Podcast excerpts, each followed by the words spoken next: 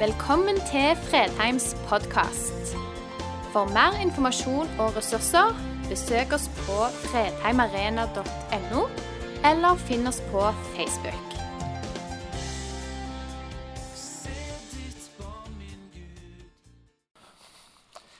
Hvis dere hadde fått lov å være med inn på mitt kontor her inne, eller på mitt hjemmekontor litt lenger nede i gaten, ville dere ikke trodd det jeg kommer til å si nå.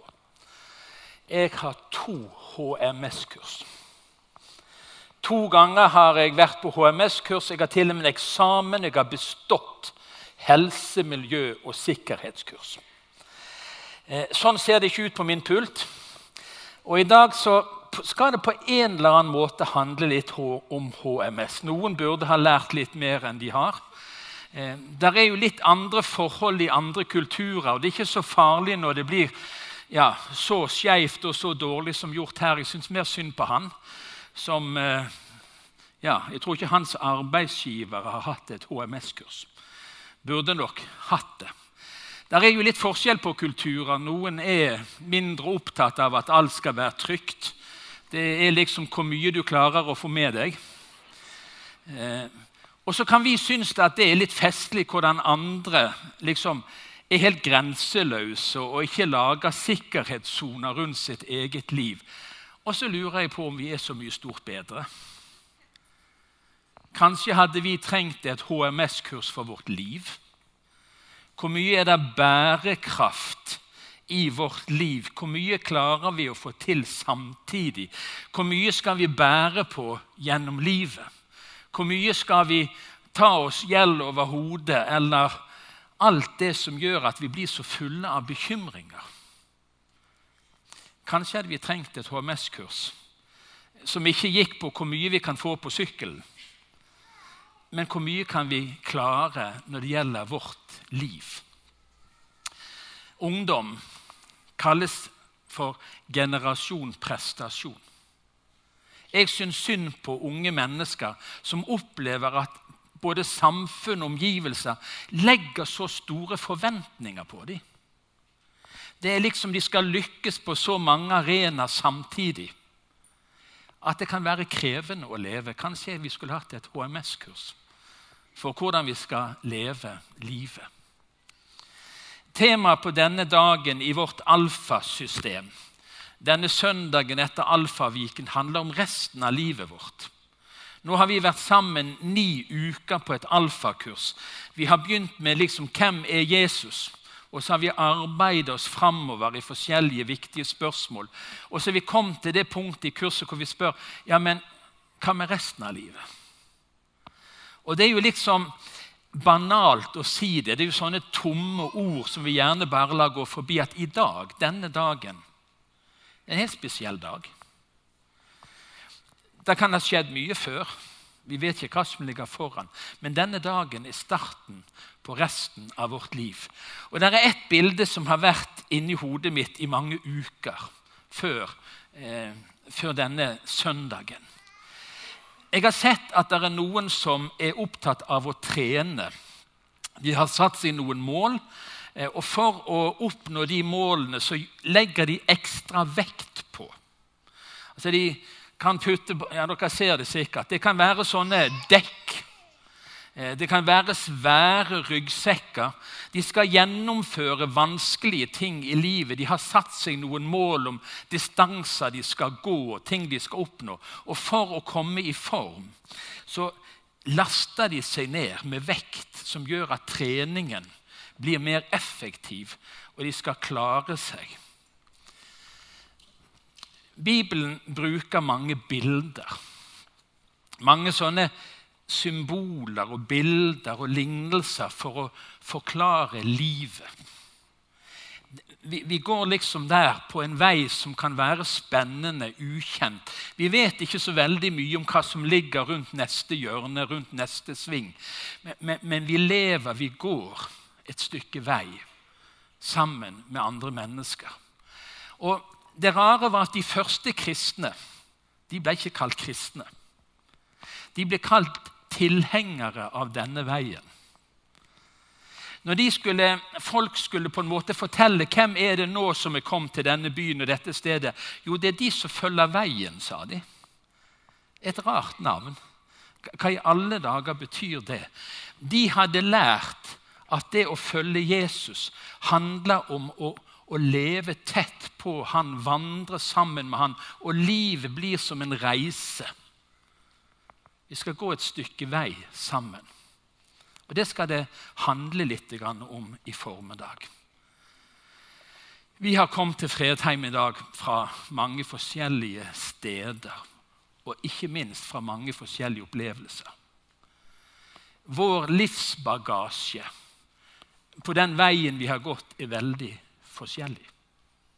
Ganske utrolig forskjellig. Når du skal gå et stykke vei, enten det er i fjellet eller ellers, så gjelder det å ha riktig bagasje. Og jeg kan teoretisk sett pakke en ryggsekk. Jeg vet hva som skal ligge i bånn, og hva som skal ligge oppover. Jeg har lært hvordan du skal pakke en ryggsekk for at den både skal være riktig pakka og fungere best til hjelp når du går et stykke vei. Men jeg tror det sitter folk på Fredheim i dag som kommer med mye bagasje. Uønska bagasje. Tung bagasje. Der er i den veien du har gått, så har det vært krevende situasjoner. Det har vært krevende utfordringer. Det har vært relasjoner som har gått i stykker. Det har vært ting du har sagt som du ikke skulle ha sagt. Det er ting du har gjort du ikke skulle ha gjort. Og nå er du her. Og I dag så begynner på en måte resten av livet. Vi har ulik bagasje. For noen oppleves livet som en stadig kamp mot uønska bagasje. Det er som om disse tingene som har skjedd, ikke slipper taket. Det er som de nederlagene han gått på, aldri mister sin kraft. De syndene, de oppgjørene, det opprøret, de forskjellige nederlagene ligger der som en byrde og gjør at livet blir tungt utfordrende. Det er liksom sånn når en går med en ryggsekk som er altfor tung. Om man aldri så riktig pakker, så tynger han og hemmer livet. Jeg vet ikke hvilken vei du har gått. På mange måter opplever at jeg har vært ganske heldig i de 61 årene som nå ligger bak meg. Men det har vært noe bagasje. Det har vært noen situasjoner. Uønska situasjoner uønska hendelser, ikke planlagte. Og så er det mange mennesker som på en måte går med et sånt sett med, med, med dekk og sleper på, eller lenker, eller nesten som et anker som ligger der og, og holder tilbake. Og en får ikke farten igjen. Livet blir ikke sånn som en hadde tenkt. Hva ligger bak i din bagasje? Hva vei har du gått? Hva er det som hemmer deg fra å leve sånn som du drømte om å leve, og kanskje sånn som Gud drømte om at du skulle leve? De fikk dette navnet fordi han som de fulgte, en gang presenterte seg med et spesielt navn. Og I Bibelen så leser vi at Jesus sa til de som ville følge han at 'jeg er veien' sannheten og livet. Jesus sa det at nå skal dere gå et stykke vei. Dere lever, og dere skal gå og vandre gjennom dette livet. Og dere kan følge meg på den veien. For jeg er sjølve veien. Jeg er sannheten. Jeg er livet. Og Vi begynte alfakurset med en preken når vi hadde alfamiddag for ti uker siden med den teksten. 'Jeg er veien, sannheten og livet'. Og Noen av oss har fått lov å møte dette som mer enn en teori. Jesus har vist seg for oss å være veien, sannheten og livet. Og så sier han noe til oss som går. Kom til meg. Alle dere som strever og bærer tunge byrder, og jeg vil gi dere hvile. ikke det en nydelig invitasjon? Han kalte mennesker til å følge seg. Med den bagasjen de hadde, med de erfaringene på godt og vondt de hadde, så sa han nå skal dere få lov å komme til meg, dere som strever. Dere som har opplevd at livsveien har vært vanskelig. Jeg skal gi dere hvile. Jeg skal gi dere hvile. Det er ikke sånn at han kan gjøre noe med alt det som har skjedd, for det har skjedd. Men han kan gripe inn i mennesker sitt liv nå og gi hvile. Hvil, ikke hvile et godt ord? Av og til så hender det at når jeg står bak folk, at jeg bare tar dem sånn på skuldrene og begynner å kna dem. Og noen de bare kvepper til. De har så stive skuldre. Jeg traff en han sa han hadde skuldre som betong. sa han. Det høres ikke godt ut. Men livet setter seg i kroppen. Livet setter seg i følelsene våre. Og vi kjenner oss travle, hastige. Og så kommer en og sier, 'Vet du hva? Livet trenger ikke være sånn.'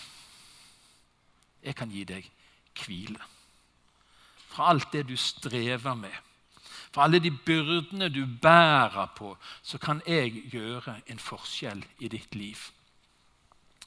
I Lukasevangeliet kapittel 15 så er det en, en beretning, en, en lignelse, om en sønn som trodde det at å være hjemme rundt far, det var ikke livet.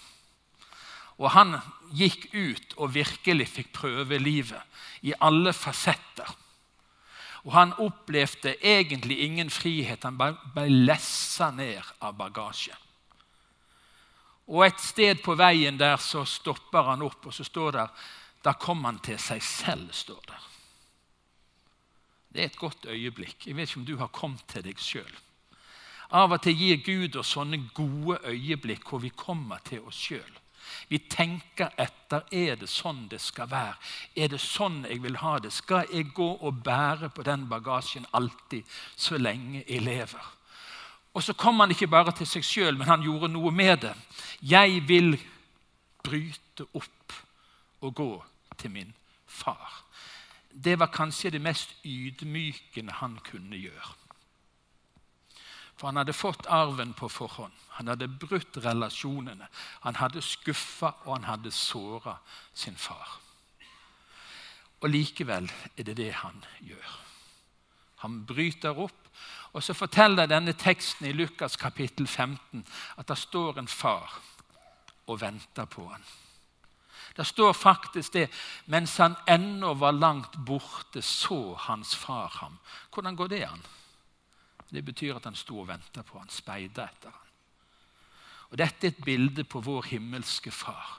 Uansett hva du har gjort i livet, uansett hva du har blitt påvirka av, bevisst, ubevisst, som er din egen skyld, eller andre mennesker som har påført deg det Uansett hva som ligger bak på din livsreise, så er det en Gud som venter på deg, som speider etter deg som ser etter deg, og som kommer deg i møte.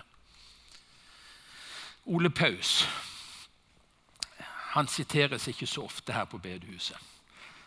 Men han har noen fantastiske sanger. De er forunderlige, poetiske og djupe. Han har en sang som handler om at det begynner å ligne en bønn. Du har sikkert hørt sangen. Hvem venter på meg? Hvem viser vei? Hvem skal gjøre meg hel? Alt jeg flyktet fra, gjensøker meg som en hjemlengsel i min sjel. Jeg ser hvert tåre, hvert blikk, hvert smil, hver latter, hvert rop, hvert stønn. Det begynner å bli et liv, dette her. Det begynner å ligne en bønn.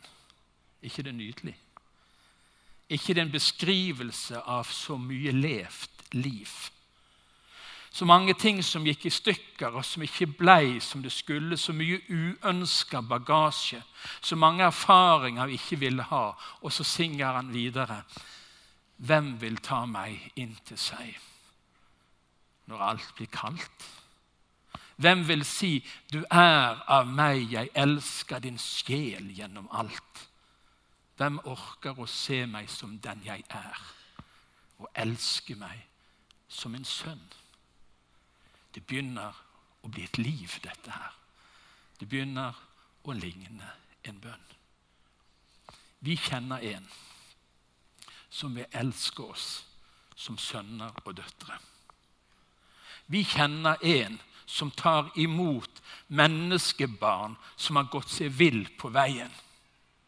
Som opplever at livet henger fast i uønska fortid og uønska bagasje. Vi kjenner en. Han heter Veien. Han heter Sannheten. Han heter Livet. Dette er kanskje et av de mest kjente, enkle bildene på det vi snakker om i dag. En som har sagt det, eller mange som har sagt det. Den tyngste byrden du kan bære, hva byrde det? Det er din syndebyrde. Det er din skam. Det er det som gikk i stykker, og du vet om det. Det som ødela både ditt og andre menneskers liv. Konsekvensen av å bomme på det målet Gud har sagt. Der er en vei å gå, og her ser du veien.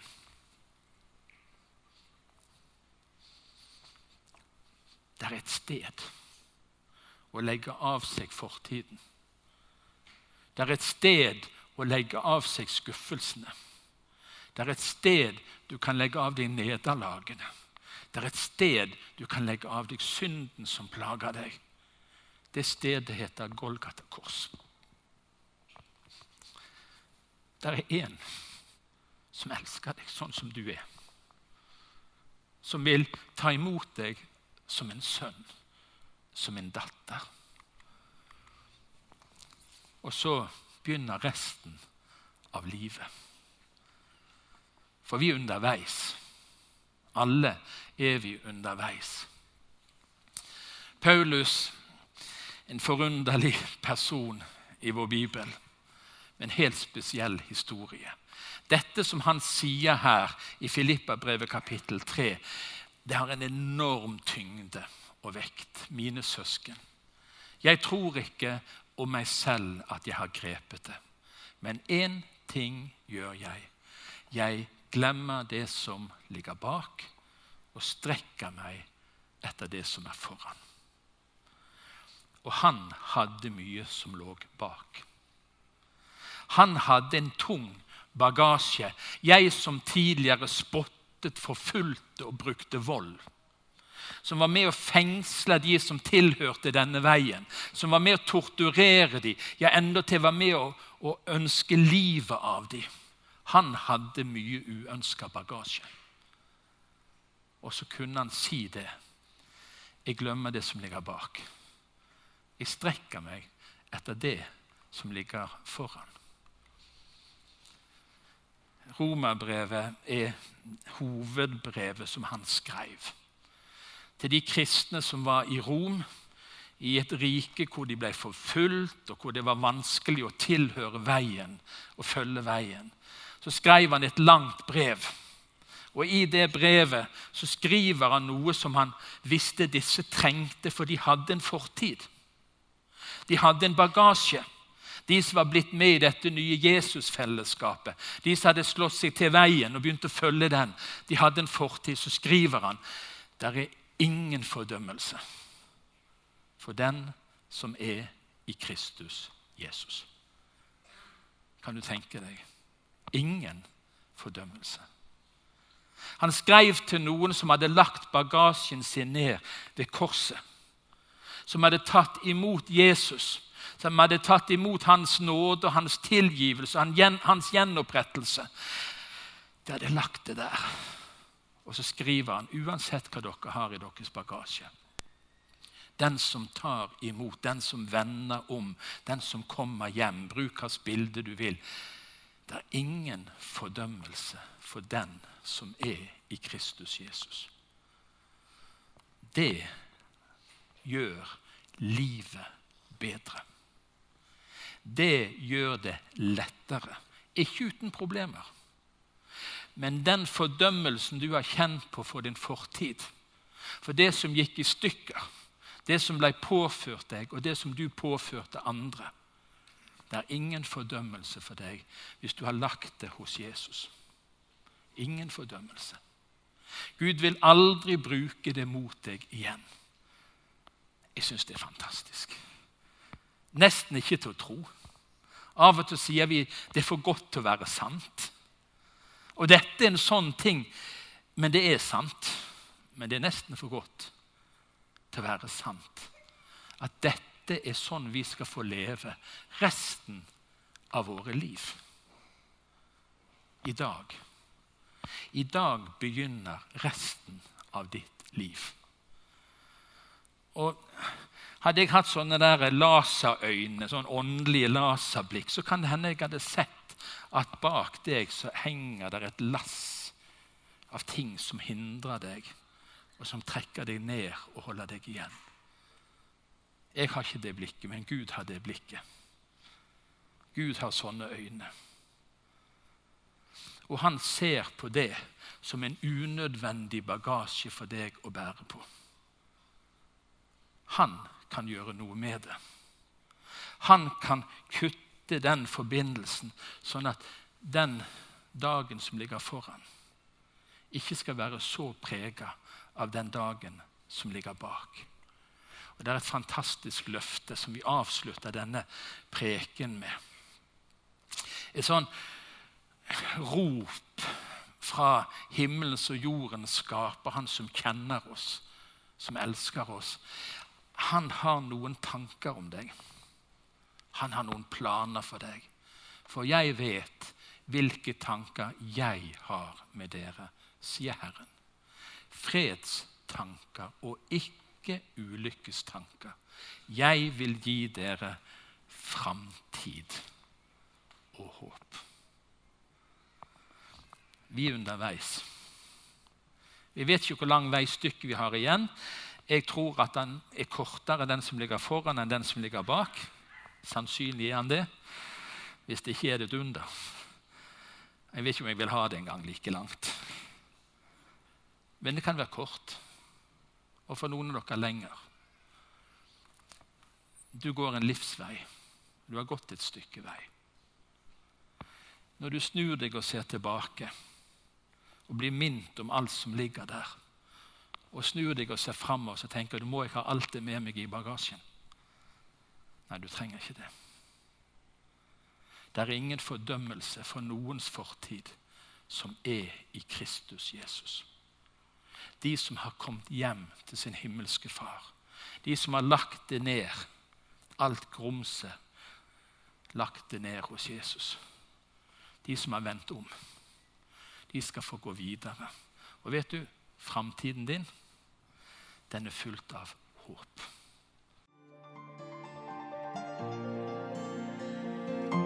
Takk for at du valgte å høre på. Nye opptak legges ut hver uke. Vi har gudstjenester hver helg, og du er hjertelig velkommen.